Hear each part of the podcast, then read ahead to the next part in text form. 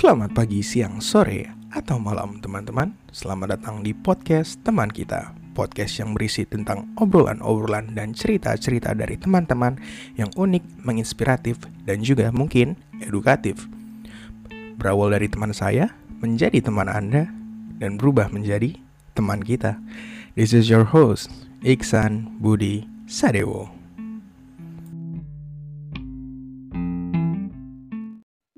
kalau bisa lo insya Allah lo bisa jadi orang yang beruntung. Karena ada kan orang yang maksudnya kayak dia bisa dapat semuanya dan segala macamnya tapi ada juga orang yang beruntung dan sebaik-baiknya orang yang punya semua lebih baik orang yang beruntung. Kasih contoh yang baik buat adiknya. Iya. yeah. semua anak sulung itu punya mental anak sulung gitu. Apa ya kayak maksud gue setiap ada kesusahan tuh pasti ada bukti hidupnya Cukupkanlah ikatanmu. Relakanlah yang tak seharusnya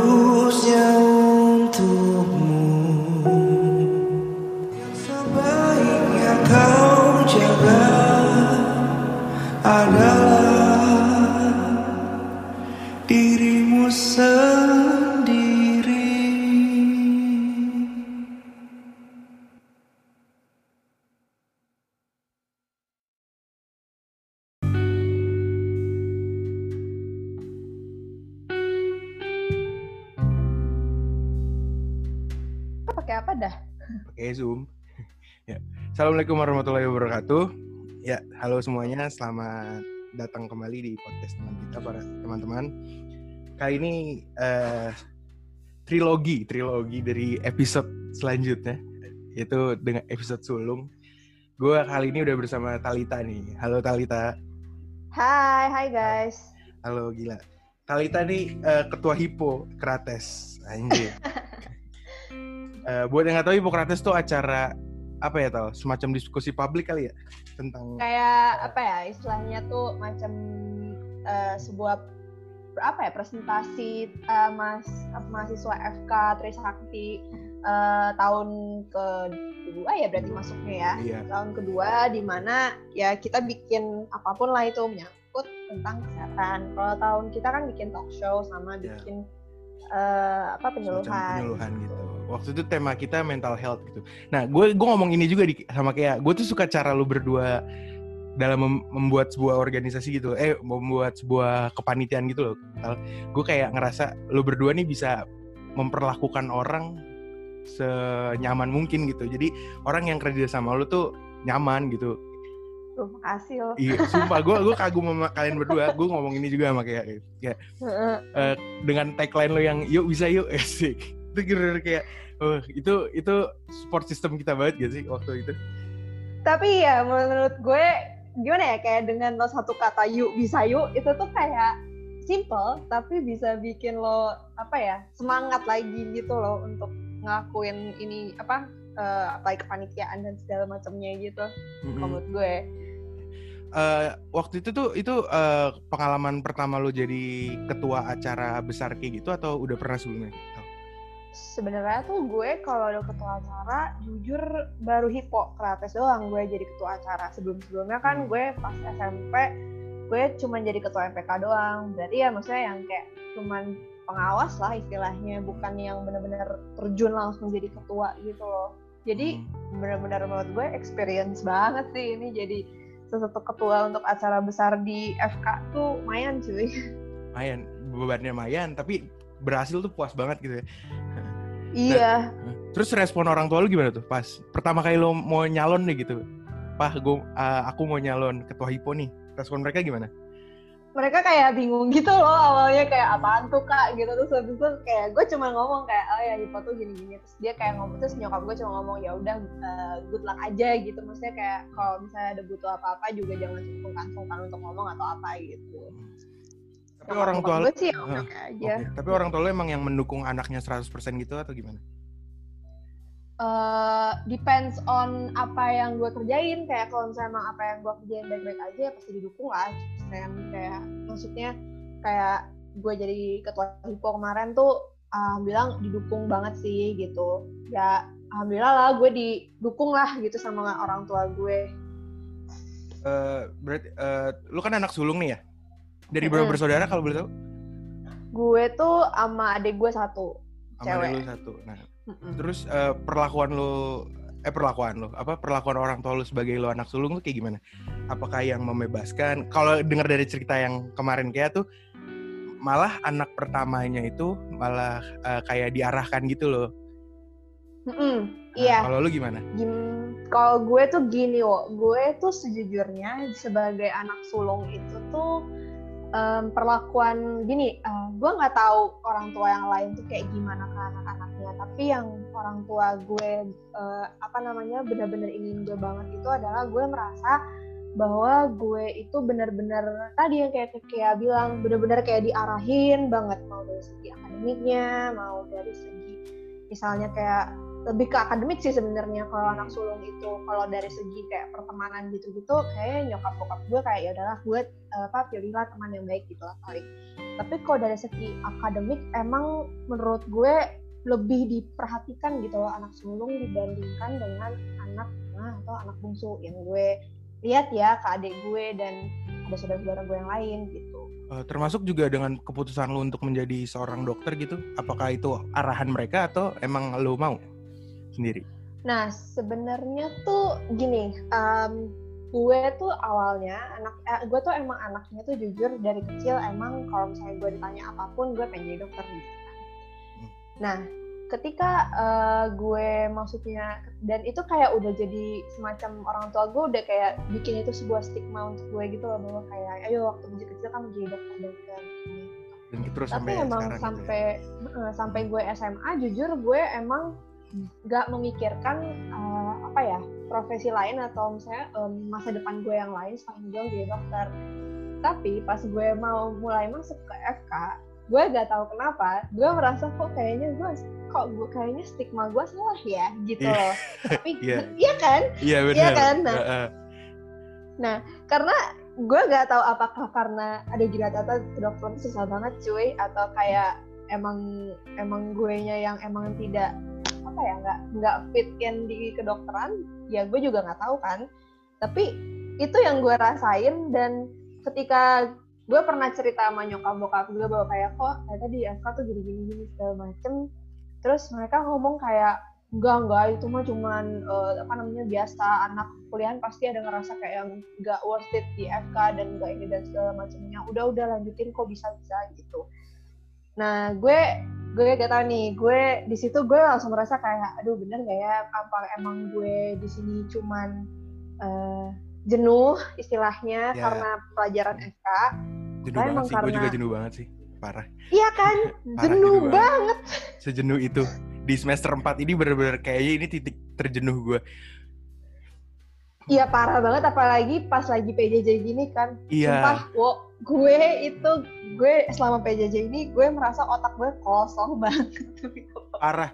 Dan gue ngerasa kayak kok gue malah lebih semangat bikin podcast ya. Sebenarnya ini nggak tahu ini gue masuk quarter life crisis atau enggak. Kayak kenapa gue jadi semangat bikin podcast daripada gue belajar kedokteran gitu kan. iya sama gue juga lebih semangat untuk mengerjakan hal lain dibandingkan gue belajar gitu. Tapi ya guys jangan ditiru ya guys. Ya jadi tiru guys. Buat kalian yang masih Jadi semester. 1, semester 2, ayo ayolah Mm-mm. masih awal. Semangat. Ayo masih awal masih fresh, masih fresh. Eh, masih fresh. Heeh. Tal, eh, btw kan nyokap bokap lu tuh lawyer gitu, lawyer, lawyer ya? Atau apa? enggak eh, enggak mereka berdua sama-sama di ranah hukum tapi bokap gue tuh emang ada lulusan lawyernya kalau bokap Hmm. eh kalau nyokap gue tuh notaris Hmm, sebagai keluarga hukum nih, eh, maksudnya ada ada nggak sih pernah ngarahin ke arah lain tuh jangan dokteran ini hukum aja gitu? Atau enggak? Kalau waktu itu pernah kayak nggak nggak pernah apa ya, cuman seletehan nyokap gue doang gitu loh yang kayak ngomong kayak ya udahlah kak kalau nggak ke dokter hukum aja gitu. Tapi kayak gue waktu itu kenapa gue menolak karena gue PKN gue jelek banget, jadi gue nggak mau. based on gitu. PKN gitu ya? Iya, dan gue selalu bilang sama nyokap gue, ah nggak mau, ah ngapalin pasal, mumet, bla segala macem gitu. Terus nyokap gue bilang, hukum tuh nggak selalu tentang pasal loh kak, gitu-gitu segala macemnya. Terus tapi gue kayak, nggak ah nggak mau gini-gini gitu-gitu jadi kayak cuma semacam celotehan Hmm. doang gitu loh tapi nggak bener-bener menjerumus gue kayak ayo kita gitu juga Terus kalau perlakuan ke adek lu gimana? Orang tua lu, apakah membebaskan kayak lu atau mengarahkan eh, atau apakah mengarahkan kayak ke lu atau membebaskan dia? Adek lu BTW eh, sekarang apa sih? SMP, SMA? adek gue tuh SMP naik sekarang naik kelas 3 jadi gue sama adek gue tuh jaraknya enam tahun lumayan jauh sih Eh, apakah kalian dekat gitu atau kalau kayak dan adiknya kan dekat banget tuh. Aurel juga Mm-mm. tuh. Kalau kalian gimana? Deket banget sih kalau menurut gue. Kadang kayak eh, gue tuh gue nggak tahu apakah karena emang jarak umur gue yang jauh jadinya deket dan segala macamnya dan jarang berantem. Sumpah gue jarang banget berantem sama adik gue. Tapi kayak emang deket banget. Maksudnya kadang-kadang jujur kita aja sekarang nih PJJ tuh masih tidur masih bareng. Masih Hmm. bareng-bareng gitu. Kan meskipun kita punya maksudnya kamar masing-masing ya tapi kayak kita tidur masih bareng. Terus kayak kadang-kadang suka main PUBG bareng juga berdua terus ya udah Hmm. gitu Iya, gue gue tuh nggak pernah merasakan kayak gitu. Soalnya gue kan anak tunggal nih, makanya gue penasaran Iya. sama sama kalian-kalian tuh gimana sih? Pengen gitu Heeh, punya heeh. keluarga yang kayak apa? Saling mendukung adik kakaknya gitu. Nah tapi lu sebagai kakak tuh merasa ada terbebani gitu gak sih sebagai anak sulung?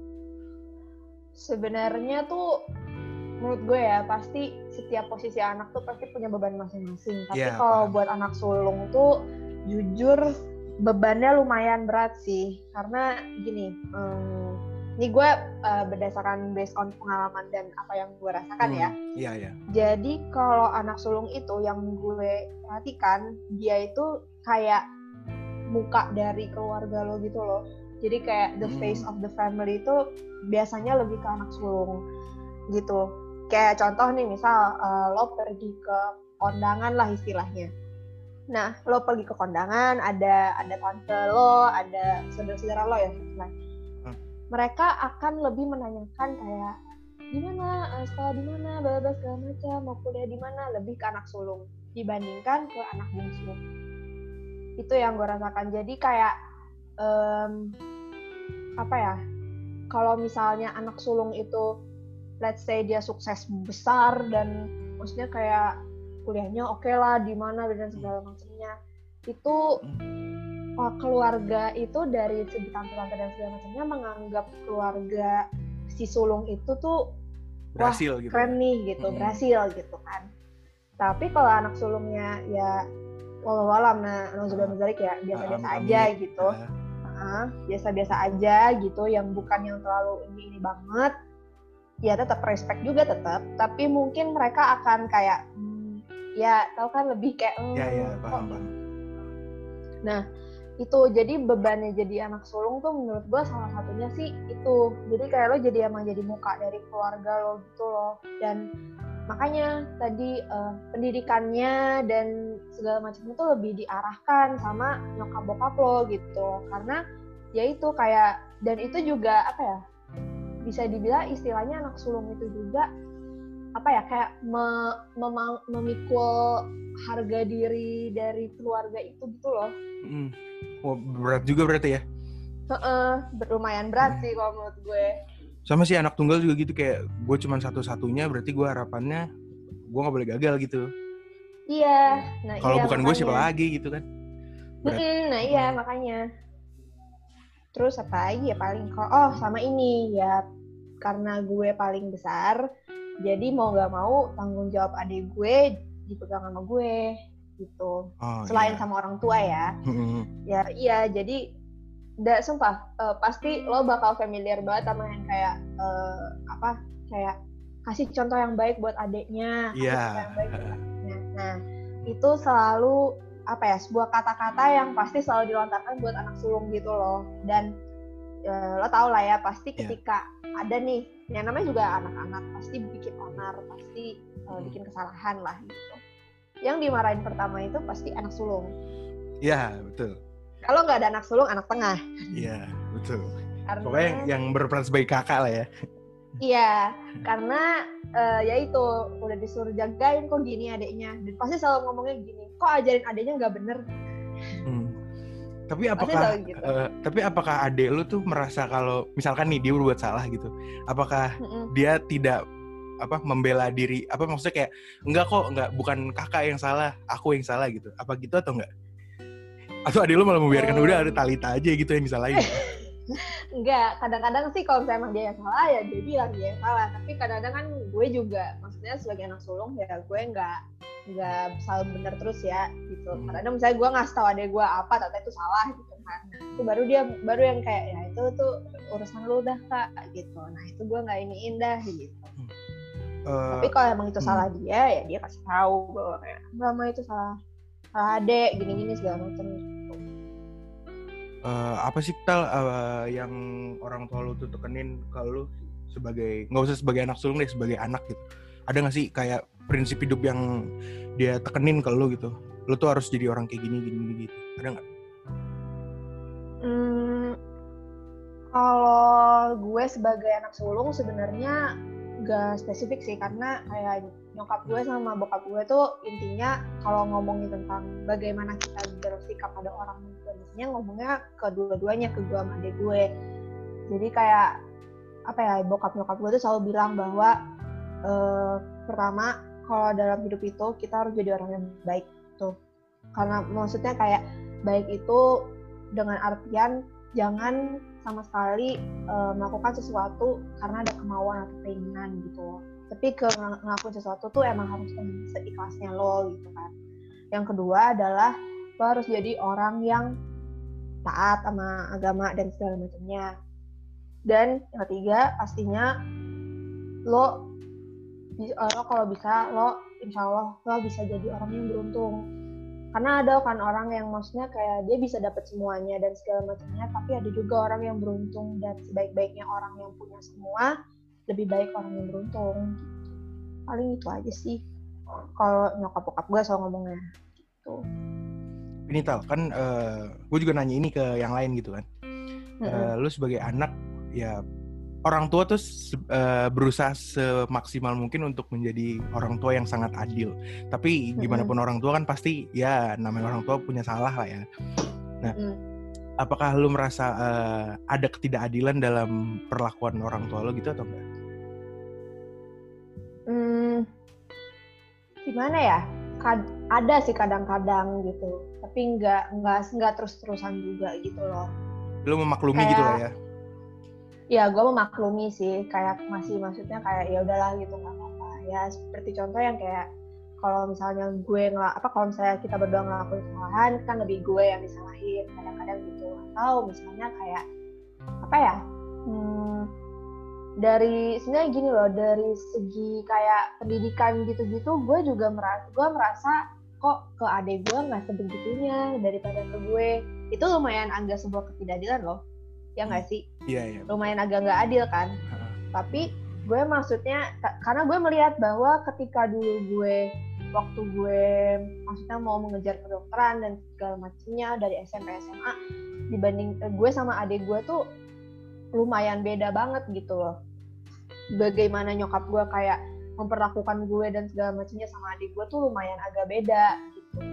Kayak gue bener-bener dulu tuh di bener-bener di, digenjot banget lah istilahnya. Kayak eh, ayo ayo harus berprestasi apa segala macamnya. Sedangkan pada saat zaman adik gue adik gue lebih kayak sama nyokap gue kayak ya udah eh, cobain dulu sebisanya eh, ayo eh, terus semangat dan tapi kayak nggak se sedrill gue waktu dulu gitu. Berarti lu bisa lu bisa katakan bahwa eh, apa kedewasaan dan kemakluman lu, kemakluman apa sih bahasanya kayak ya lu memaklumkan memaklumkan segala hal itu terjadi karena ya balik lagi lu anak sulung gitu ya. Em, iya, tapi sebenarnya gini loh, gue juga di sini mau menekankan juga sih kayak nggak semua anak sulung itu punya mental anak sulung gitu loh. Oh, Jadi ya, balik I see, lagi I see. ke heeh, nggak ba- apa ya, balik lagi ke anak-anak masing-masing juga gitu loh. Bisa alhamdulillahnya gue gue alhamdulillah I'm okay sama keadaan gue yang sebagai anak sulung seperti ini. Tapi kan ada juga uh, anak-anak sulung yang lain yang mungkin merasa kayak ini tuh sebuah beban yang sangat berat yang kayak bla bla dan segala macamnya dan mereka susah buat nge-maintainnya. Bahkan sampai kadang-kadang pun karena dia sebagai anak sulung dia nggak bisa melakukan hal itu kadang-kadang sampai dilimpahkan kan ke anak tengah atau anak bungsunya juga kan gitu. Mm. Eh, lu denger eh, apa gimana? Lanjut, lanjut lu. Iya, jadi kayak kayak mau, mau- maksud gue itu semua tuh sebenarnya balik lagi ke bagaimana mental dan apa namanya dan kekuatan lo menjadi anak sulung tengah bungsu gitu loh. Hmm, iya ya benar benar. Mm-mm. Eh, lu dengerin lagunya Kunto Aji yang sulung gak sih judulnya? Iya, Nah, lu lu merasa relate banget gak sih sama sama banget. lagu itu? Gue gue denger itu kayak wah sedih juga ya jadi maksudnya kayak di lirik itu kan kayak ada apa relakanlah yang tak seharusnya untukmu gitu. Apakah bener lu Iya. rasakan kayak gitu? cukupkanlah Iya, cukupkan. iya relakanlah yang tak seharusnya. seharusnya untukmu. Ini kayak ini sedih Iya. banget di lagu. Apakah bener anak sulung bener kayak gitu atau gimana? Sejujurnya iya. Iya, kayak apa ya?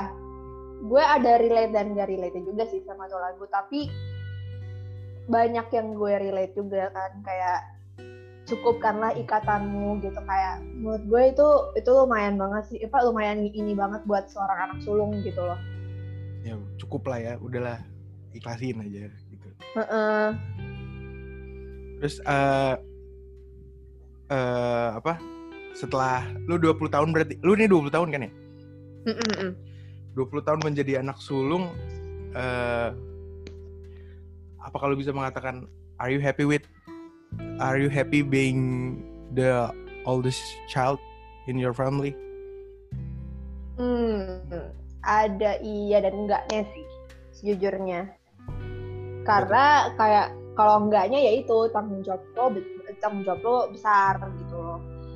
Tapi ianya tuh adalah lebih ke ketika lo bisa melakukan sesuatunya itu duluan dibandingkan adik-adik lo. Sebagai contoh, contoh ini nih contoh kayak hmm, apa? Contoh gampangnya.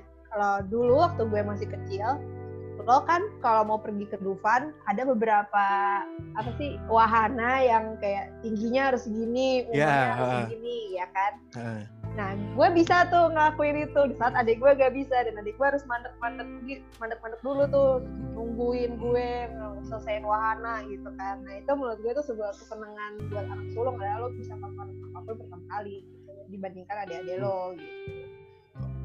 Oh iya, by, by the way waktu itu kan lu ke UK sendiri gitu ya? Kok, Mm-mm. itu sebuah pengalaman baru dong ya buat lu? Iya. Dan Kok bisa tuh? Kok bisa gitu? Gimana cerita tuh?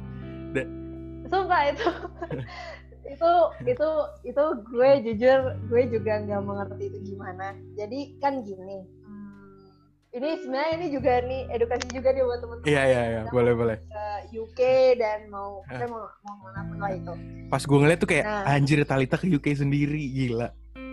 Berani Iya. banget gitu. iya tapi ya untungnya gue ikut tur loh kalau gue Oh, nggak ikut ikut tur heeh, tapi ya maksudnya tetap aja gue Tetep gue aja. kamar sendiri Mm-mm. kalau ini sendiri gitu kan Eh, jadi tuh gini sebenarnya gue itu tadinya itu rencana tuh Februari itu mau pergi sama nyokap gue karena eh, kebetulan gue sama nyokap gue itu ulang tahunnya di bulan Februari kan Hmm. jadi kayak itu semacam kado apa hadiah ulang tahun buat kita lah itu istilahnya buat Hmm. jalan-jalan ke UK. Sebelumnya gue emang udah pernah ke UK waktu pas gue kelas 9 karena gue waktu itu eh, apa namanya ada pertukaran pelajar lah selama dua minggu gitu di Hmm. situ dari sekolah. Nah waktu pada saat gue eh, kan gue udah tuh ngasih file-file eh, apa visa dan segala macamnya nyokap gue adik gue dan segala macamnya nah tadinya tuh gue mau berdua sama, sama nyokap gue tapi adik gue tuh kayak pengen ikutan gitu loh. Dan karena dia masih SMP dan kayak SMP kan kalau bolos tuh ya ya udah lah ya kan Susah. bukan heeh, heeh, maksudnya nggak susah kayak kalau SMA gitu kan. Kayak Hmm. maksudnya SMP masih oke lah gitu. Jadi ya udah nyokap gue akhirnya ya udah deh kita bertiga deh kita kita apply nih ke turnya gitu kan. Nah kan kalau bikin visa eh, kalau bikin UK itu kan pas eh, kalau ke UK kan harus pakai visa kan. Nah pada saat hari gue janjian buat eh, aplikasi visa dan wawancara dan segala macamnya eh, itu kebetulan tuh besoknya itu ujian apa ya gue lupa jadinya gue nggak dari rumah gue dari eh, Kampus. kosan kan Oh kosan. Heeh, dari kampus dari kosan Hmm. nah appointmentnya itu tuh jam 10 kalau nggak salah jam 10-an nah gue Hmm. tuh udah nyampe di sana itu jam setengah 10 gitu kan nah tapi nyokap gue sama adek gue dari rumah itu belum Hmm. datang gitu kan. Gue nanyain kayak ini udah di mana? Soalnya eh, visa UK itu lumayan ketat loh gitu loh. Kayak lo kalau misalnya lo udah janji jam 10 lo datang jam 10 gitu kan. Atau enggak kalau kalau misalnya lo telat lo harus bayar lagi gitu loh. Gue lupa Hmm. bayarnya tuh lima ratus ribu atau berapa satu orang gitu. Jadi lumayan Hmm. lumayan gede gitu kan. Ternyata jam setengah sepuluh itu nyokap gue masih di rumah di keadaan di mana tempat gue eh, apa namanya eh, visa itu tuh di Kuningan City. Wah jauh, jauh. Jauh makanya. banget. Jauh. Nah akhirnya akhirnya nyokap gue bilang ya udah deh kak eh, apa duluan aja gitu. Ntar ya udah deh mama bayar aja gitu nggak apa gitu. Nah terus ya udah akhirnya gue duluan gue sendiri kan itu zamannya eh, visa dan zamannya nah gue udah kelar. Jam sebelasan itu nyokap gue baru dateng. Dan dia mau nggak mau karena dia telat dia bayar dong. Bayar Hmm. eh, per orangnya dia sama adik gue. Dia bayar. Tapi ruang interviewnya dia itu beda sama ruang gue gitu loh. Jadi kayak dia lebih ke personal gitu dibandingkan Hmm. kayak gue yang harus kayak agak nunggu gitu lah gue. Ya. Uh, mulanya tuh gue merasa kayak oh ya udahlah oke oke aja gitu kan. Fine fine aja nggak ada apa-apa nih gue. Uh, nyokap gue juga ya udahlah akhirnya juga bisa ini bisa kan segala macamnya nah dua seminggu atau dua minggu sebelum keberangkatan itu tiba-tiba nyokap gue dikasih tahu bahwa visa nyokap gue sama adik gue tuh nggak lolos tapi visa Ya. gue lolos Waduh. Ber- Nah, Terus? terus nyokap gue nanya lah kenapa bisa nggak lolos gitu kan Eh, terus habis itu eh, dikasih gitu loh suratnya dari eh, apa namanya ini visanya dan kebetulan visa UK itu lumayan agak susah karena di- dibikinnya itu tuh di Filipina bukan di Indonesia gitu loh Hmm, visanya hmm. itu lumayan susah. Nah, di pas gue baca suratnya, jadi tuh di situ dibilangnya gini kayak em, kalau lo mau apply visa itu rekening lo itu harus eh, benar-benar ada in and out-nya. Jadi bukan rekening tabungan yang lo masukin, Hmm, ngerti nggak? Oke oke oke. Jadi paham. harus dia harus dia kan ya, jadi kan saya gini nyokap gue tuh men-state gitu kan kalau bikin visa lo ada kayak penghasilan lo berapa per bulan dan segala macamnya Iya. gitu kan Ah, ah. nyokap gue men-state sesuai dengan emang yang dia dapetin gitu kan. Hmm. Nah tapi dia itu eh, bilang itu tuh dengan menyerahkan ada rekening, cuma rekening tabungan doang, bukan rekening kerja dia yang ada keluar masuk uang. Nah Hmm. Ini visanya itu bilang bahwa eh, saya saya nggak melihat adanya kegiatan eh, transaksi pada rekening anda gitu loh. Jadi Wah. filenya dia itu tra- file nyokap gue terhadap rekening dan segala macam Hmm. itu sangat dikit gitu loh di mana Hmm. kayak dia nggak nggak cukup percaya gitu loh buat kayak merel apa bisa buat si orang ini tuh bisa bisa masuk ke negara negara Inggris gitu loh. Ah. Tapi di situ yang gue bingung adalah gue kan belum kerja, Mm, mm, gue kan belum berpenghasilan kok bisa gitu. gue kok Hmm. bisa gitu gue gue ini gitu kan nah terus abis itu nah gue udah ngomong sama nyokap gue ya udah mah kalau gitu coba aja bikin visa lagi aja gitu dan segala macamnya Hmm. tapi emang lumayan ini sih oh karena visa itu bikinnya kan dua minggu di mana waktu kalau Hmm. nggak salah gue itu udah tinggal berapa hari lagi gitu mau berangkat gitu kan nah, nyokap gue juga udah kayak ah gimana ya gimana ya? gitu kan. Lumayan loh kan Hmm. udah udah udah bayar ke turnya gitu loh Hmm. buat eh, nyokap gue sama adik gue gitu kan. Dan udah udah bayar pesawat dan segala macamnya kan. Maksudnya tadinya tuh sempat dibilang mau hangus gitu loh buat nyokap gue sama adik gue nya tapi kan karena visa ini kan visa ini kan kayak istilahnya force major ya. Kayak kita kan Hmm. nggak tahu apa yang terjadi gitu kan. Nah baru udah tuh di eh, baru udah diiniin di kayak dikasih tahu gitu lah kayak ya udah bisa tapi cuma tapi dipotong eh, berapa persen gitu. Karena udah bayar pesawat sama hotel dan segala macamnya gitu. Nah, udah. Nah ternyata pas ditelusur telusurin lagi eh, nyokap gue sama adik gue itu kenapa nggak bisa nggak bisa keterima kayak gue? Karena yang gue bilang tadi di awal tempat wawancaranya itu beda, Beda. gue sama eh, gue sama adik gue sama nyokap gue gue itu tuh tempat wawancaranya itu tuh udah dimasukin ke satu grup tour gitu loh di mana Hmm. si grup tour itu bakal menjamin balik dan apa kembalinya dan datangnya si turis gitu kan Ah, ke sana iya, iya, gitu. paham, paham. Nah, sedangkan nyokap gue sama adik gue itu kesannya kayak eh apa namanya personal gitu loh, Personal, ah, dari iya. tour. Jadi nggak bisa Nah, menjamin gitu ya? Nah itu dia makanya ya udah deh akhirnya gue ya mau nggak mau nyokap gue udah kayak udah deh kak kakak pergi sendiri aja deh kak terus gue udah kayak eh ya udahlah Vital dengan gue gua kan pernah pergi sendiri juga ya. Maksudnya gue liburan sendiri gitu, tapi nggak ke luar negeri, cuman keliling-keliling Jawa. Di situ gue ngerasain kayak sebuah apa ya, kayak ketenangan di hidup gue gitu loh. Kayak gue belajar sesuatu dari perjalanan itu. Nah kalau lu gimana tuh? Waktu lu ke UK sendiri, ya walaupun lu tour juga gitu kan, tetap lu tanpa adanya keluarga, tanpa adanya itu. Terus lu Hmm. kayak lu ngerasa kayak gimana tuh waktu perjalanan lu sendiri itu?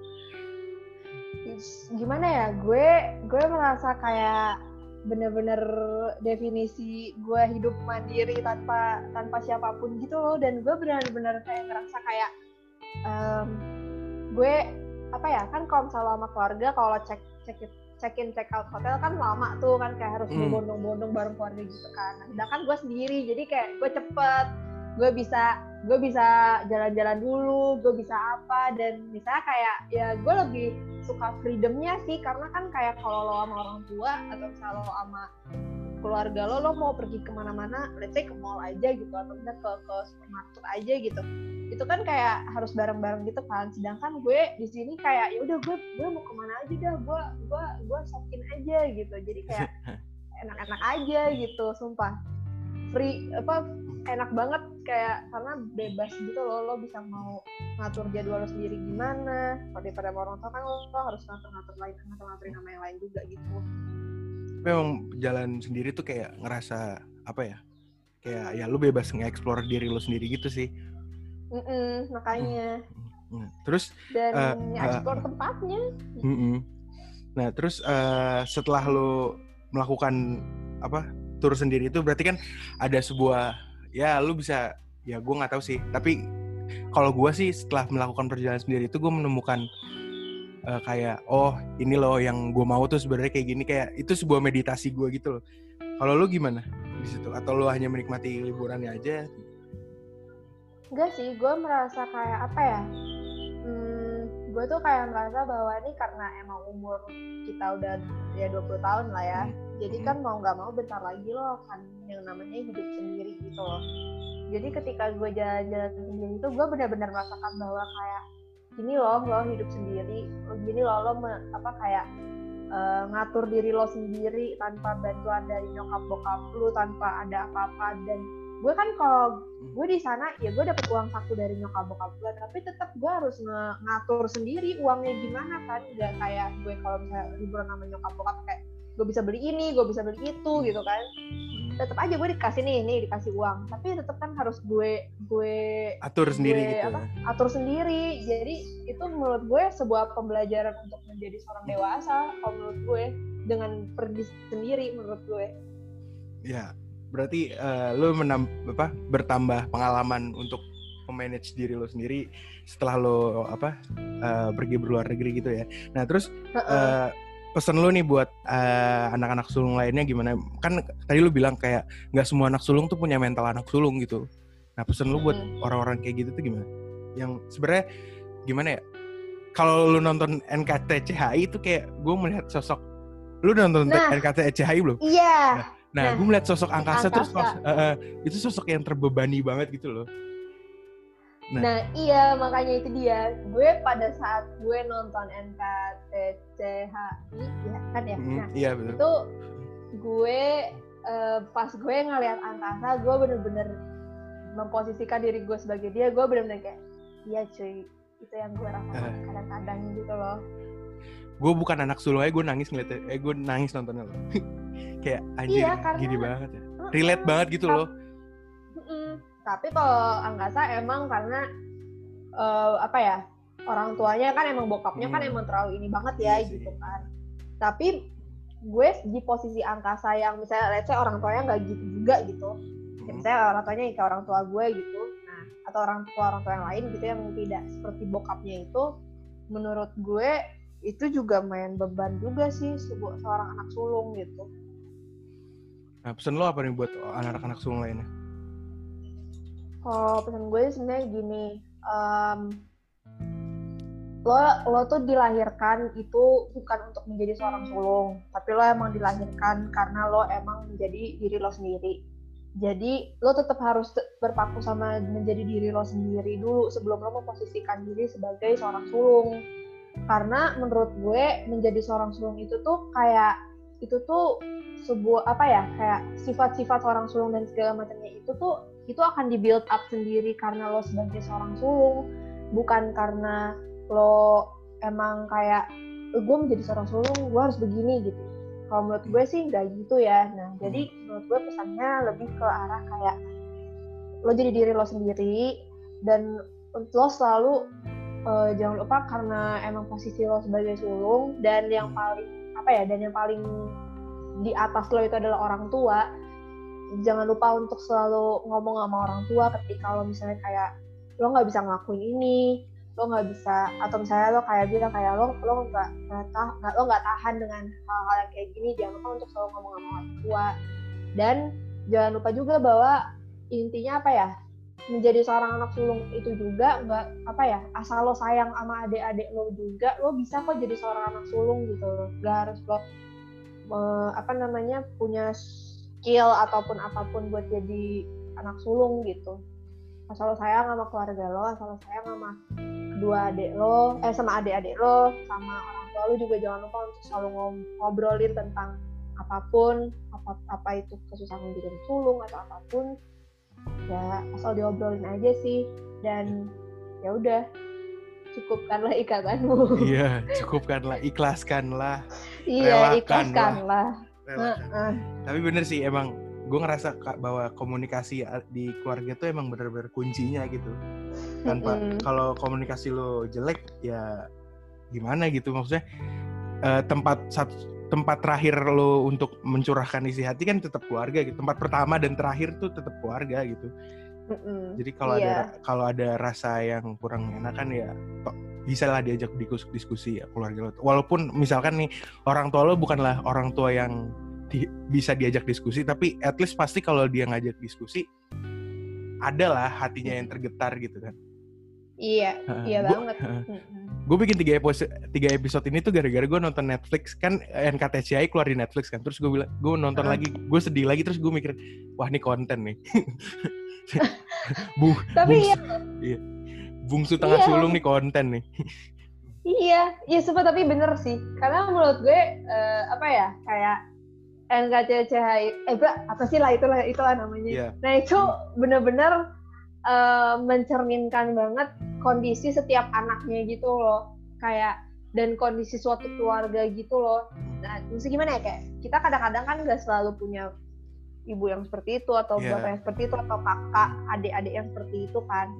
Nah, tapi lo bisa merasakan bahwa kayak eh, ini loh ke apa yang akan dihadapi si anak sulung, ini loh yang akan dihadapi anak tengah, ini loh yang akan dihadapi sama anak bungsu gitu. oke tal. Oke tal eh, makasih udah berbagi cerita di podcast teman kita ini. Sukses terus tal. Yo. Yo, semoga eh, kuliah lo lancar. Semoga kita bisa melewati masa-masa jenuh ini asli di, Amin. jadi gelap banget ya Amin. sumpah PJJ Parah, parah. P- PJJ ini benar-benar mem- apa, membuat demotivasi belajar anjir. Iya, iya parah banget. Sumpah gue, gue, aduh setiap gue kelas aja pun gue antara setengah-setengah gitu loh hatinya. Udah kayak aduh ya Allah. Tapi Ya. udah kecemplung gitu kan. Heeh, makanya itu Udah- dia. Aduh, Udah ya udah empat semester nih. Iya banget. Gue baru ingat Aduh, lagi udah ya. empat semester. Iya.